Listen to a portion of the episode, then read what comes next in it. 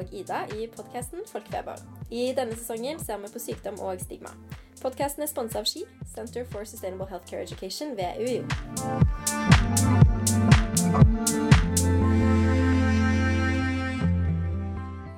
Hjertelig velkommen tilbake til Folkefeber og denne sesongen om sykdom og stigma. I dag er det Sine Hei. og meg, Ida, som sitter her sammen med Birgitte Rossøy. Hjertelig velkommen til deg. Eh, Birgitte er leder i ressursgruppa for fibromyalgi i Revmatikerforbundet og har sjøl hatt diagnosen siden 2009, altså i tolv år. Og vi gleder oss masse til å høre mer om, eh, mer om deg og din opplevelse av sykdommen. Så kanskje du forteller oss bare kjapt hva fibromyalgi egentlig er? Altså, fibromyalgi er en sykdom som eh, har sin eh, Altså, det kommer ifra at man har fått en skade i det sentrale nervesystemet.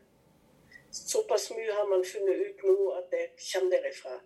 Eh, om den skaden oppstår pga. Uh, smerte, eh, pga. andre sykdommer, det kan være forskjellige traumer som utløser fibromyalgi.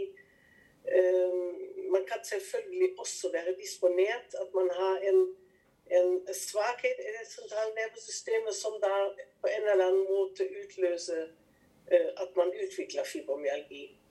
Og uh, I Revmatikerforbundet så ser vi at det er spesielt mange som uh, f.eks.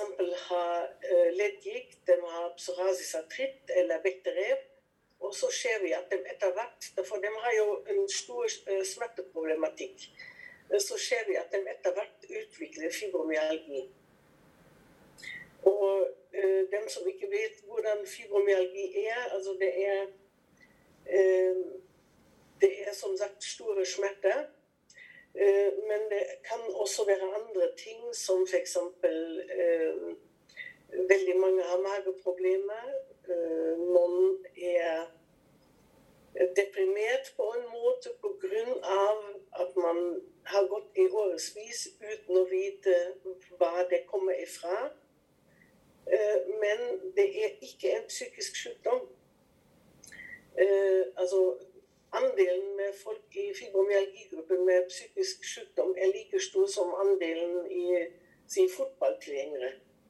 Altså andelen eh, av dem som har fibromyalgi, er like stor. Men eh, problematikken det kan være altså folk sover dårlig, eh, som sagt mageproblemer, man er veldig sliten, du utvikler etter hvert fatigue. Så det er veldig mange forskjellige uh, årsaker til fibromyalgi, og det er veldig sammensatt. Og det som er så merkelig med fibromyalgien, og vanskelig, er at ingen har det likedan. Det er utrolig store forskjeller. Mm. Spennende. Mm. Eh, Brigitte, har du lyst til å fortelle litt om når du sjøl fikk diagnosen din? Um, jeg var under utredning til revmatolog. Og så uh, hadde man fått de problemene i sjakk. Og jeg ble bedre, men så gikk det noen uker, og så uh, ble jeg dårlig igjen. Og hadde store smerter. Og da uh, var jeg inn og ut av sykehuset til å undersøke til revmatolog hva det kunne komme av. Og helt til slutt så var det en ung lege som sa vet du, jeg tror du har utvikla fibromyalgi. Og uh, akkurat sånn vil nok mange oppleve det likedan. At du har en eller annen, en eller annen skade, et problem, og når den er, blir bedre og forsvinner, så uh, plutselig blir du bedre, dårligere igjen. og problemene dukker opp, og da er man altså, veldig i villrede, egentlig. For de fleste undersøker da den årsaken man har hatt i utgangspunktet for smertene. Men så kan det jo være 100 forskjellige årsaker at, at du har fått vondt igjen. Og så da blir det veldig mange har da mange år at en går og leter og leter etter årsaken. Hva er egentlig som skjer? Så, men um, jeg har vært veldig heldig oppi det hele og møtte folk i helsevesenet som visste hva det var. Så, så og, og det er veldig heldig når man møter noen som vet akkurat hvordan man skal håndtere dere da. Mm. Så, og det, det, aller, aller viktigste uh, for oss med fibromyalgi, uh, det er faktisk fysisk aktivitet. Gå på trening med en fysioterapeut osv. Så, videre. så det er det som er veien tilbake. Mm. Du sier jo at det, eh, høres ut som du i hvert fall hadde en fin opplevelse med det, og det er jo kjempefint. Men du sier at du var heldig eh, som møtte liksom helsepersonell som forsto deg. Eh, som det, det, liksom ikke er en selvfølge, og det er det jo gjerne ikke. Har du opplevd, eller kjenner du noen som har opplevd noe ubehagelig i helsevesenet fordi de har fibromyalgi? Å oh, ja. Um, I 2009, noen uker etter etter jeg fikk diagnosen, så ble jeg med i Revmatikerforbundet. Så vi grunnla en fibromyalgigruppe i Trøndelag. Og uh, gjennom det arbeidet så har uh, senere utdanna meg til uh, likeperson i Revmatikerforbundet. Så jeg tar likepersonstelefoner for hele Norge. Og da Man får høre veldig, veldig mye rart. de fleste har leger som Eh, vet om fibromyalgi, men på en måte vet ikke hvordan de skal hjelpe den pasienten. Eh, så det er veldig mye uklarhet også blant leger. Eh, noen få møter leger som sier at fibromyalgi fins ikke. Andre møter leger, og takk og pris er det veldig sjelden, som sier ok, da får du lykkepiller, og da blir alt bra. Men eh, vi vet at det er, det er ikke løsningen å gi en person lykkepiller som ikke trenger det. Eh, derfor det eh, har aldri noen god virkning. Så det er veldig mange som opplever også i årevis å gå med symptomer, men uten at man vet hva det egentlig dreier seg om. Derfor, når man har revmatiske sykdommer eller andre sykdommer, så kan det være sånn at de første tegnene, de første symptomene, den er så veldig lik. Så det kan, altså det kan gå veldig mange veier. Og, og det, derfor er det veldig vanskelig å akkurat luke ut at oi, det er fibromyalgi. Så veldig mange blir rett og slett mistrodd av legen. og um, men eh, man må huske på de telefonene får. Altså, man husker bestandig dem som har problemer mye bedre, for det er dem som ringer. Uh, alle dem som møter forståelse til legene og i helsevesenet, dem tar ikke kontakt med meg. De har ikke behov for det. Så det må vi ikke glemme. Så veldig mange er veldig heldige med legene som vet akkurat hva det dreier seg om, og vet også hva de skal gjøre om å hjelpe de uh, pasientene. Ja, det er heldigvis mange av de òg. Yes. Birgitte, tidligere så har jo fibromyalgi blitt sett på som en litt sånn uspesifikk diagnose, og at man ikke helt vet årsakene til fibromyalgi. Hvordan er det å leve med en sykdom som av mange blir sett på som litt sånn uspesifikk? Mm. Um, uh, altså, for en god del år tilbake, i 20-30 år tilbake, så Eh, var man veldig usikker hva fibromyalgi egentlig kunne komme av. For da uh, trodde veldig mange at uh, fordi at det er flest kvinner som uh, har den diagnosen, så trodde man at det kunne være f.eks. overgangsalderen. Det kunne selvfølgelig være psykiske problemer. det kunne være overvekt. Så man, altså man prøvde å setter den merkelappen fibromyalgi på veldig mye forskjellig og veldig mye rart. Eh, derfor, altså, hvis du tenker deg litt i legen sine sko, så, um, så kommer en pasient og klager og klager og klager, og du undersøker og undersøker, og du, du, finner, ikke, du finner ikke egentlig noen grunn til det der. Så uh, det, er, det er ikke lett å å undersøke folk og si at ja, du har fibromyalgi fordi det ikke finnes noe det finnes ikke noe blodprøve. Det, det finnes ikke noe prøve du kan ta om å finne det ut. Og det gjør det jo selvfølgelig veldig vanskelig å, å komme til bunns i det. Men uh, de senere årene altså, og Før hadde man kun de undersøkelser uh, med tenderpoints, altså trykkpunkter på kroppen. Eh, som man eh, brukte til å sette diagnosen. Men eh, i 2018 så fikk også Norge de nye diagnoseundersøkelsene for fibromyalgi. Og det var en professor på NTNU som het Egil Fors. Han sto i spissen for å sette om de tingene som den undersøkelsen fra Amerika, som var fra en professor Wolff, Eh, han satte det over til norske forhold og laga et nytt diagnoseskjema. Så i dag eh, anbefaler man eh, at man bruker de nye diagnosekriteriene sammen med de gamle om å bare ha noe å støtte seg til.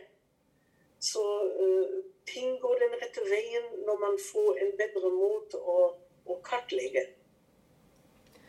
Opplever du at eh, forståelsen for sykdommen fra andre har eh, bedra seg i takt med disse diagnosekriteriene? I hvert fall av noen. Jeg vil ikke si at alle har uh, mer forståelse, men uh, i dag så møter man sykepleiere på sykehuset f.eks. som man er der av en annen grunn, og så spør de hvilke sykdommer du har, og så kommer fibromyalgien inn. Og så sier de 'oi, du må ha mye vondt'. Og da blir jeg sånn 'oi, ja, hun vet hva det dreier seg om'. Og det, um, altså Forståelsen er blitt bedre. Derfor de senere årene har det, har det vært en del forskning. og den, den, viktigste forskningen er at man har funnet ut at det ikke er en psykisk sykdom. Mm. Og det er vel den aller, aller viktigste biten.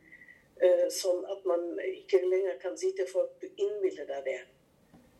Eh, så eh, man møter, man møter, mer forståelse enn man har vært før, men allikevel så har vi en lang vei å gå ennå. Eh, derfor det viser seg at det er flere og flere også unge mennesker som får fibromyalgi, og så er det stadig flere menn som får diagnosen. Så altså, jeg håper at forståelsen øker i takt med forskningen og nyheter. og så jeg syns det er veldig viktig når øh, mennesker har f.eks. en slektning hvor de tenker at ah ja, hun, hun har sikkert bare vondt i viljen sin. Øh, da, da, burde de gå med den personen til, en, til noen møter i Revmatikerforbundet eller andre forbund. Um, og lære litt mer fakta. Så, så vi, vi, er på rett vei, men fremdeles så har vi nettopp bare starta på veien. Mm. Du er litt inne på det, Birgitte, men opplever du at personer som har fibromyalgi, får merkelapper satt på seg pga. den sykdommen? Å oh, ja. Uh, absolutt. Um, uh, som sagt, altså Det er mange som f.eks. tror at folk har vondt i viljen sin. Eh, altså vondt i viljen, det er en av de tingene man får høre. Eh, noen får høre at en er hypokondere, eh, eller prøver å sluntre unna jobben. Eller så får folk høre ja, du burde kanskje trene litt her, ta skikkelig og ta skikkelig workout. Så vil det nok skje at det blir mye bedre. Så folk får høre ganske mange rare ting. Og de verste eksemplene. Og da igjen, takk og pris, så er det ikke så mange. Eh, men noen får til og med høre fra legen sin at eh, fibromyalgi, det fins jo ikke. Så, og det, det, er vel en av de verste tingene man kan høre. At man møter den uforståelsen. Men så er det jo sånn det med fibromyalgi eh, For veldig mange er veien til en diagnose så utrolig lang. Når man først har da fått den diagnosen, så altså, Da har det gått noen år gjerne. Og, og når folk hele tida er syke, eller hele tida er fraværende, eller hele tida sier til venneflokken nei, jeg kan ikke møte allikevel, så, så mister litt kontakt med folk. Og på arbeidsplassen, hvis du er mye sykmeldt, så du mister litt den statusen. Du mister litt plassen i verden. Og det er vel en av de verste ting at man plutselig sånn, At det er sånn utenforskap. Og det er det som veldig, veldig mange sliter veldig med. Mm. Ja, det skjønner jeg var vanskelig. Men du sier at disse her merkelappene med vondt i viljen og at en kanskje ikke altså Det virker på meg som det er kanskje ikke så mye forståelse for at en da må avlyse en avtale alltid. Og eh, en skjønner jo at det kan være vanskelig å, å forstå sykdommen og hvordan andre har det. Men eh, jeg lurer litt på hvordan du opplever å bli møtt av andre når du forteller om diagnosen sånn sosialt sett, liksom utenfor helsevesenet. Hvordan, eh, hvordan var det blant venner, og hvordan er det blant nye du møter?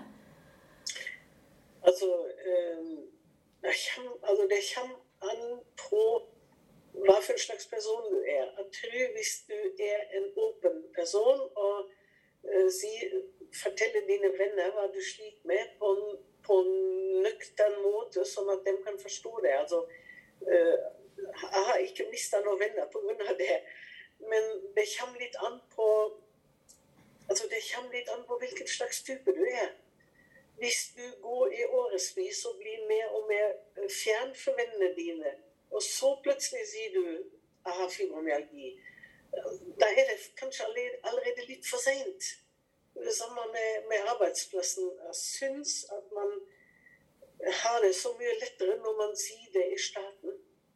At man sier at dere er, er det jeg sliter med. At man har litt mer åpenhet. Men så igjen er det veldig mange som kvier seg pga. at folk har sånne fordommer. Mm. Så det, det, det, vil være litt forskjellig for oss alle. Og veldig avhengig av typen. Er du en åpen type? Klarer du å oversette det, eller er du sånn type som sier sånn 'Unnskyld at jeg lever'?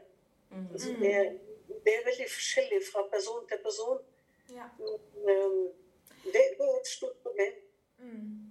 Jeg syns òg det er interessant det du sier om på en måte det å være åpen på jobb, men at hvis man eh, er mye borte og sånne ting, at det kan føre til litt sånn tap av status og kanskje eh, litt fordommer og liksom litt sånn eh, ting. For det er jo typiske ting man ser i det begrepet som vi kaller stigma, eller stigmatisering, og at det å på en måte ikke vite at man har en diagnose, og ikke være åpen om det, kanskje fører til enda mer stigma, høres jo nesten ut som da at hvis man på en måte har mulighet til å være åpen om det, så så kan det føre til mindre stigmatisering. Men trenger, det skal jo ikke være et krav at alle må på en måte komme med sykehistorien sin ut til alle som spør heller. Nei. Og da er det igjen veldig avhengig av hvilken type menneske du er, og hvordan du Om du stoler på dine kolleger, eller om du ikke gjør det.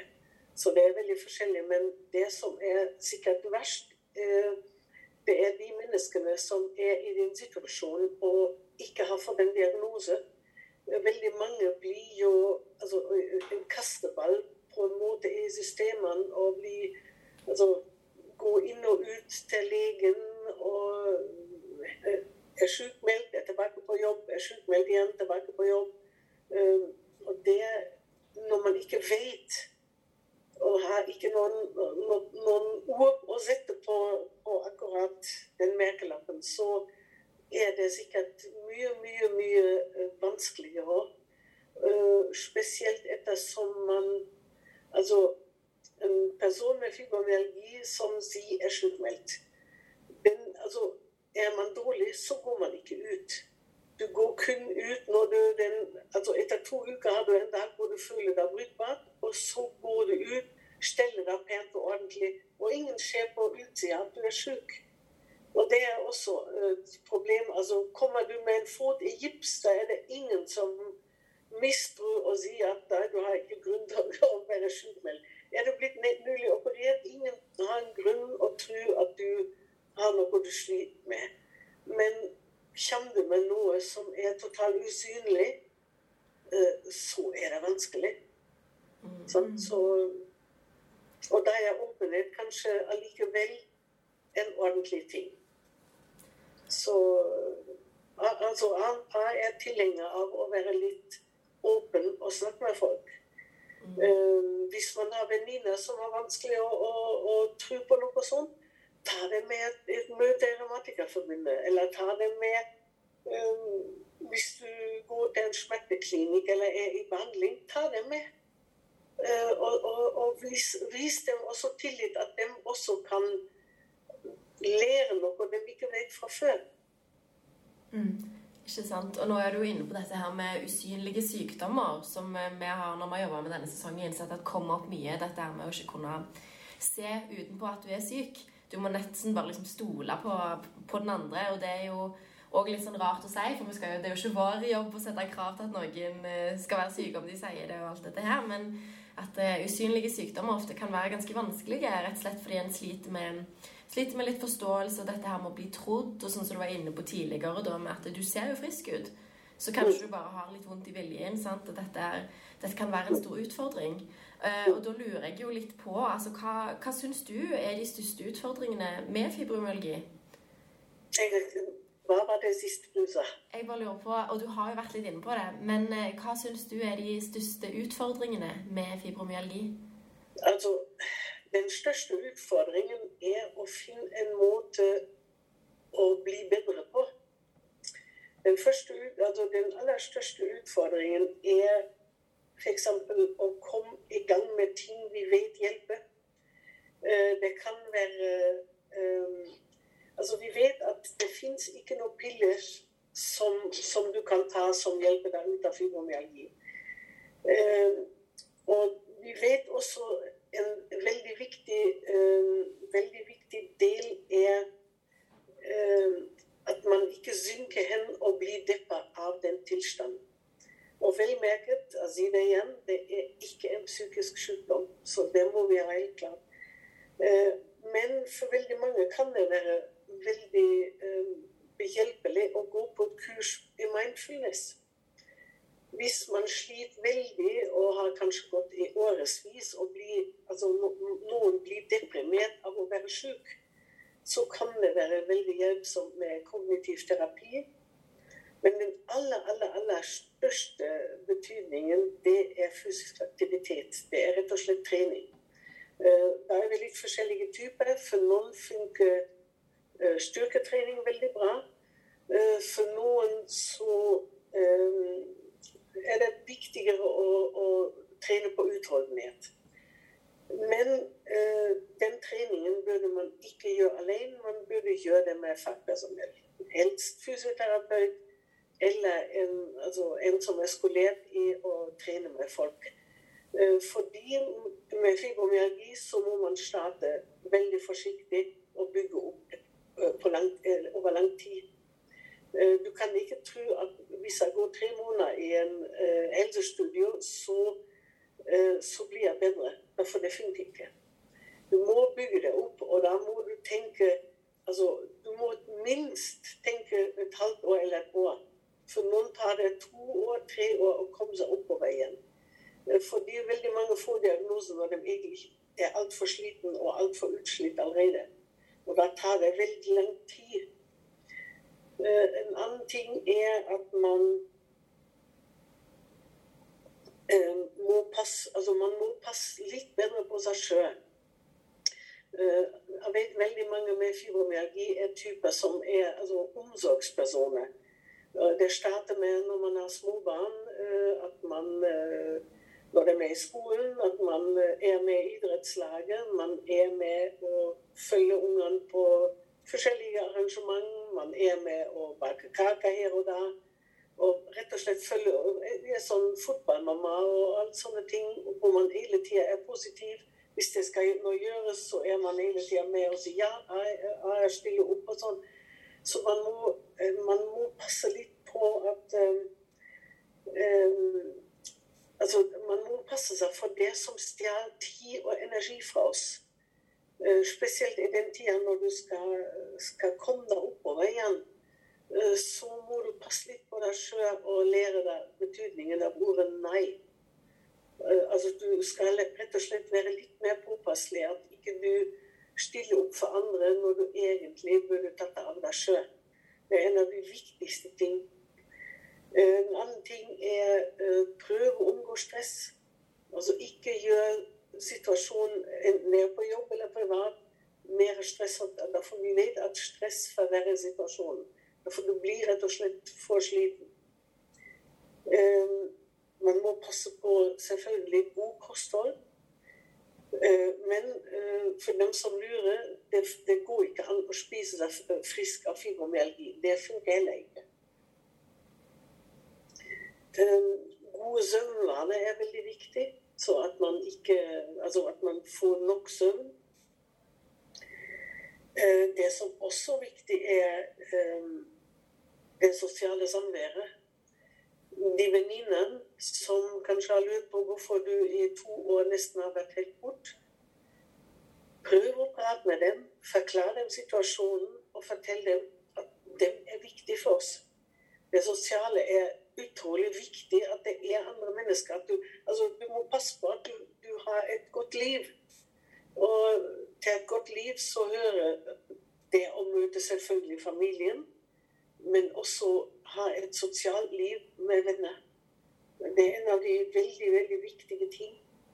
Men som sagt, det første og siste, og det man skulle gjøre midt imellom òg, ta dere et kurs i mindfulness. For da lærer man at man skal være litt bevisst på hva man egentlig holder på med.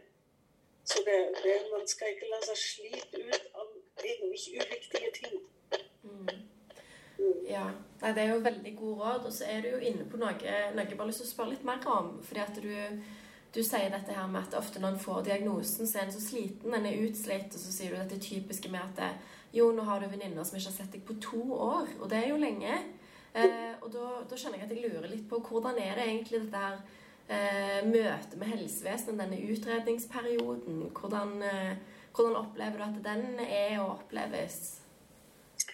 Um, altså, personlig kan ikke si at jeg hadde noen uh, problemer da eller møtt noe uforstående. Takk og pris for det. Men uh, Ehm, gjennom Revmatikerforbundet at jeg er likeperson, så opplever jeg veldig ofte at folk ringer pga. at de har problemer. Ehm, noen eh, helsevesen som Altså noen møtte rett og slett en, lege som sier fibromyalgi ikke.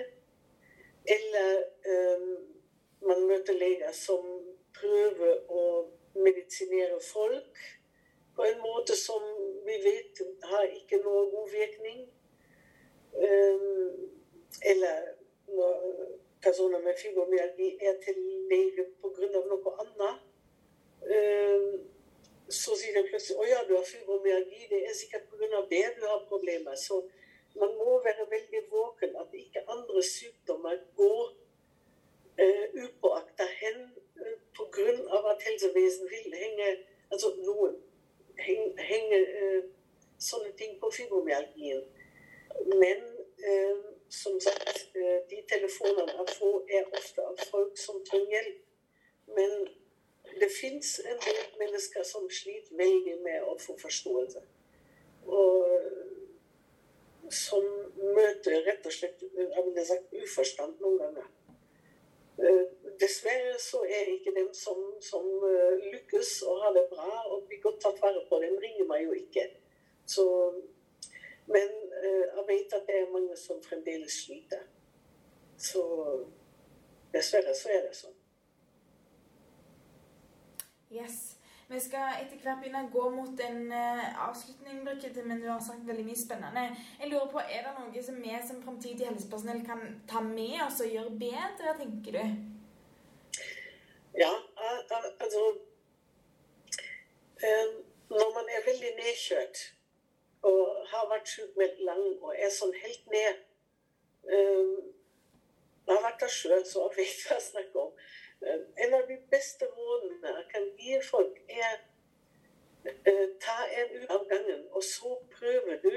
Si i uke én så tar du La oss anta at personen kanskje er sykmeldt, er hjemme bestem deg for at uke én så skal du ha én aktivitet. Den dagen, hvis du bestemmer deg du skal lage middag, så har du den dagen. Den ene aktiviteten. Finner du ut at uh, kjøkkenvinduet er veldig skittent, så vasker du det kjøkkenvinduet. Da er du ferdig for den dagen. Du skal ikke gå i den fellen at du vasker resten av vinduet i huset også. Altså, bestem deg for en uke, én aktivitet.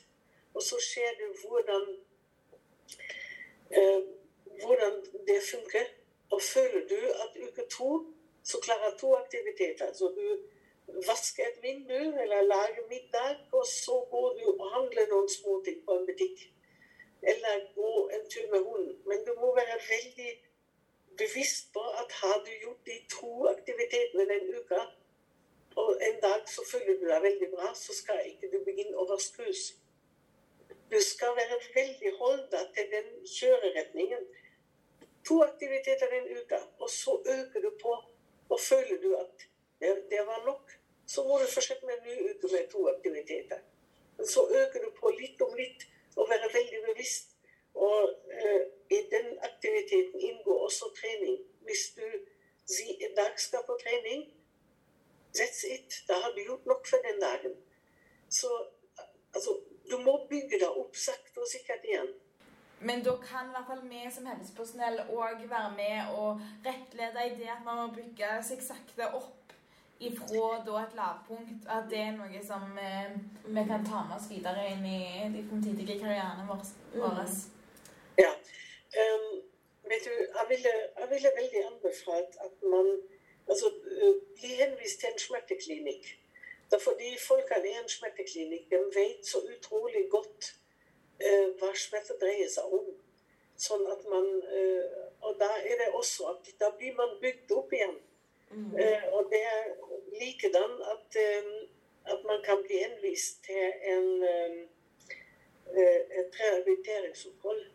Det er også en veldig viktig steg, spesielt for dem som er kanskje så heldige at man finner ut det med fibromyalgi før den blir helt utslitt. Eh, da er det kjempeviktig at man da eh, stopper opp og går på rehabilitering. Og fortsette etterpå å si å gå på trening med en fysioterapeut to dager i uka. Mm. For da, da slapp man å bli så fryktelig nedslitt. Mm. Uh, dette er jo veldig veldig gode tips. og Hvis jeg forstår deg riktig, så er det jo da at vi må, vi må hjelpe hverandre til å være rause med oss sjøl og gi oss den plassen og tiden man trenger til å bli frisk. Men òg uh, å passe på at vi tar det så seriøst at vi, vi, vi henviser spesialister i smerte og dette her hvis, uh, hvis det er behov, og tidlig at vi jobber profylaktisk. Rett og slett at vi, vi er frampå. Vi, vi, vi prøver å se de pasientene tidlig og ikke la de bli utslitt. Og da, helt avslutningsvis, så lurer jeg bare på eh, Du har jo sagt dette her med at, eh, at det er så viktig at vi, vi ikke liksom sier at fibromyalgi bare er psykisk, eller at det ikke finnes, og at det ikke er vondt i viljen. Eh, noen avsluttende ord. Hvordan vil du at vi skal snakke om fibromyalgi framover? Hvordan er det viktig at vi som helsepersonell håndterer det? Altså, eh, det viktigste er kanskje at man forklarer folk at det som har utløst fibromyalgien, er en skade i det sentrale nervesystemet. Hvis du sammenligner det sentrale nervesystemet med et brannvarslingssystem, så har det brannvarslingssystemet bare meldt brann når det er ikke brann. Sånn blir, blir, det jo på en måte at du føler hele tida smerte som egentlig ikke skal være der, pga.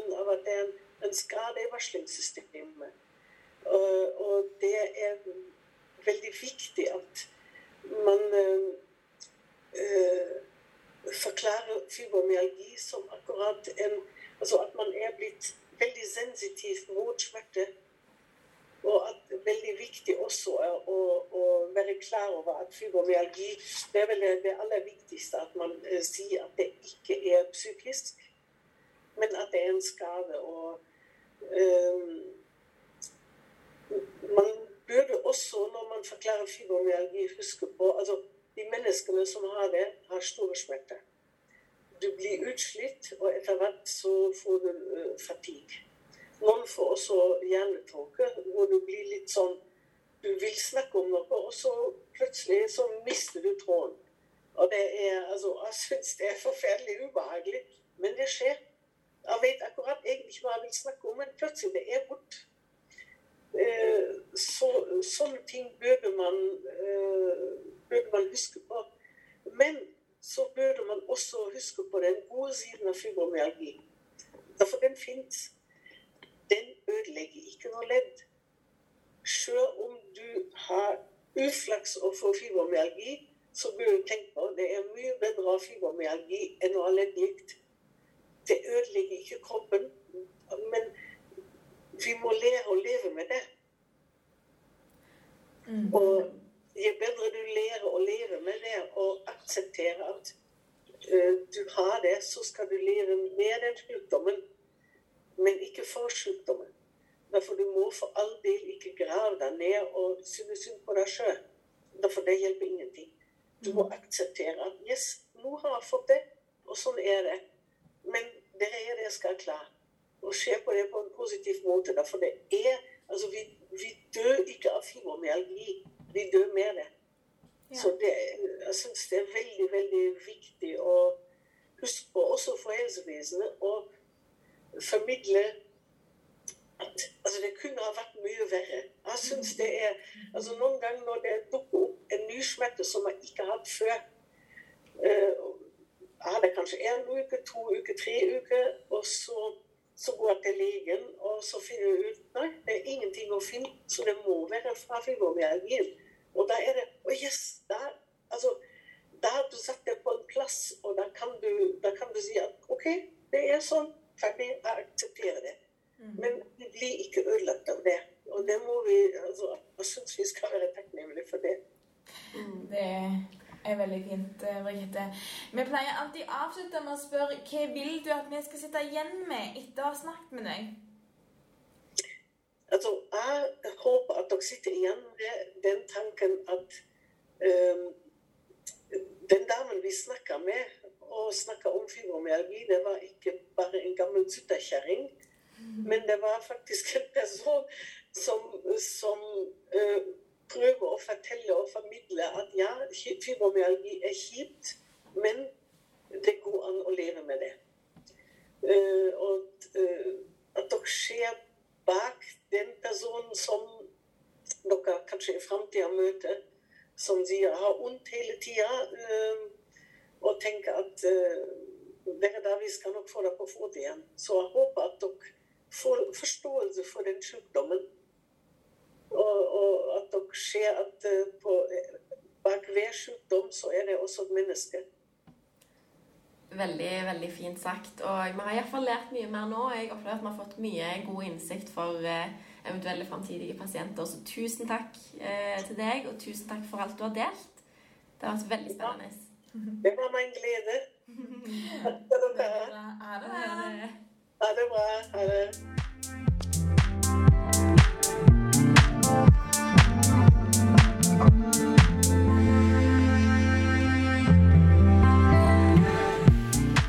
Ja, Sine. Hva syns du? Jeg syns det var veldig spennende. Jeg merker at jeg kan ikke nok om fibromyalgi fra før av. Um, og så er det jo en, en, sykdom som på mange måter har på en måte et, et sånn rykte som Birgitte òg snakker litt om. sant, Vi eh, har kanskje tidligere hørt at det er liksom uspesifikt. Det er liksom en av de diagnosene som vi som medisinstudenter og leger ikke har helt klart å sette fingeren på. Og det gjør at vi kanskje forholder oss til den på en litt annen måte. Så det var veldig fint å høre eh, både litt grann om nyere forskningen på det, men også hvordan det faktisk er å leve med fibromyalgi, og hva det vil si for dagliglivet, og, og på en måte den prosessen fram til diagnosen. Mm, absolutt. Og jeg syns det er så fint det hun sier med at det, det, er et menneske bak sykdommen. Mm. Og sånn som du var inne på når du snakket om dette her med, eh, eh med Birgitte, med at man gjerne blir litt isolert. Og at det kan være så vanskelig med disse usynlige sykdommene. Fibromyalgi er jo et, eh, et, prima eksempel på det. Eh, og hvordan òg bare i sykdomsforløpet, i det å ikke vite, ikke ha noe å forklare smertene sine med, eller med på en måte trangen eller behovet for ekstra hvile og ekstra tid og det å måtte si nei til mye mer. Det å ikke kunne forklare det, hvor stigmatiserende det i seg sjøl òg kan være. Ja, nettopp. sant? Og det med langtidssykemeldinger og liksom de tingene om det, at det kanskje er mer det enn sykdommen i seg sjøl kanskje som blir eh, det store stigmaet rundt det, fordi det fører til en del sånne merkelapper og fordommer kanskje. Og ja, ok, men du, det er sånn som du sa, vondt i viljen, liksom. Kommer aldri jobb lenger. Langtidssykemeldt. Mm. Eh, og hvor da sentralt er å kunne være åpen om sykdommen, men samtidig så skal det jo ikke være et krav for at man skal få eh, forståelse og på en måte kunne stole på en person at de må være åpen om at de har en sykdom. Det er jo en personlig ting som ikke alltid er like lett å dele i. Så det er liksom den vanskelige balansen der man opplever kanskje gjerne å få mer forståelse hvis man er åpen, men, men eh, man kan ikke kreve at alle skal være, være åpne med en sånn diagnose. Nei, og så stusser jeg jo litt når vi snakker om det òg, for det er jo litt sånn her sitter vi og krever at noen som er syke, skal forklare oss hvorfor de ikke eller hvorfor de er syke, og hvordan. Ja. Og det er jo òg egentlig en snodig ting. Mm. Um, men, eh, men det er jo som du sier, det, altså det å møte noen med Ja, OK, men da har du bare vondt i viljen. Kanskje det er bare viktig at vi som helsepersonell òg er litt åpnere med våre pasienter. Og gjør de trygge at sånn du dette, dette er noe vi kjenner til, og det er ikke bare du som er lat, eller noe sånt. For som du sier, så ligger kanskje ikke stigma i selve sykdommen, men i ringvirkningene av den. Ja. Og det å ikke ha nok energi til å bidra i det sosiale livet en er vant til. Mm. Og spesielt når det går over tid. Og så er det jo altså sånn, Det er en sykdom med utrolig mye smerte. Og det kan eh, Altså, det, det jo, må jo være ufattelig vanskelig å leve med å ha de smertene hele tida, men òg på en måte å, å forklare de smertene til andre, fordi at smerte eh, kan man på en måte kun forklare med ord. Man kan ikke si at sånn OK, men dine smerter de er liksom høyere enn dine. på en måte, fordi man, det, det er liksom en subjektiv eh, opplevelse av smerte. og Det gjør liksom den overførbarheten vanskeligere, som jeg tror også gjør at mange eh, sliter med å akseptere at ok, men disse her pasientene har veldig, veldig vondt, faktisk. Og Mm. det, ja, et annet aspekt med det. Ja, og det er jo selvsagt veldig slitsomt. Og som du sier, mye lettere å være sånn ja, Du vet jo ikke hvordan det er å brekke et bein før du brekker. Men de fleste av oss vil jo heldigvis da ikke få fibromyalgi og aldri skjønne det. Så det er jo noe med å med at vi som samfunn også er bevisste på at sånn, jo, okay, dette kan jeg ikke skjønne, men jeg kan iallfall forstå det. Og så Mm. kan jeg respektere det mennesket som, som har dette, og møte det med en åpenhet. Og andre veien òg. Mm. At det ikke bare er pasienten som eventuelt må Eller personen med sykdommen, da, som må være åpen. Absolutt. Jeg syns det var ja, jeg synes Birgitte forklarte godt hvordan det var å leve med en usynlig sykdom, og hvordan det kan føles. Så det, Så det er spennende. Ja, Veldig fint å høre om. Takk for i dag. Vi gleder oss til neste episode. Så håper vi dere hører på da òg. Ha det.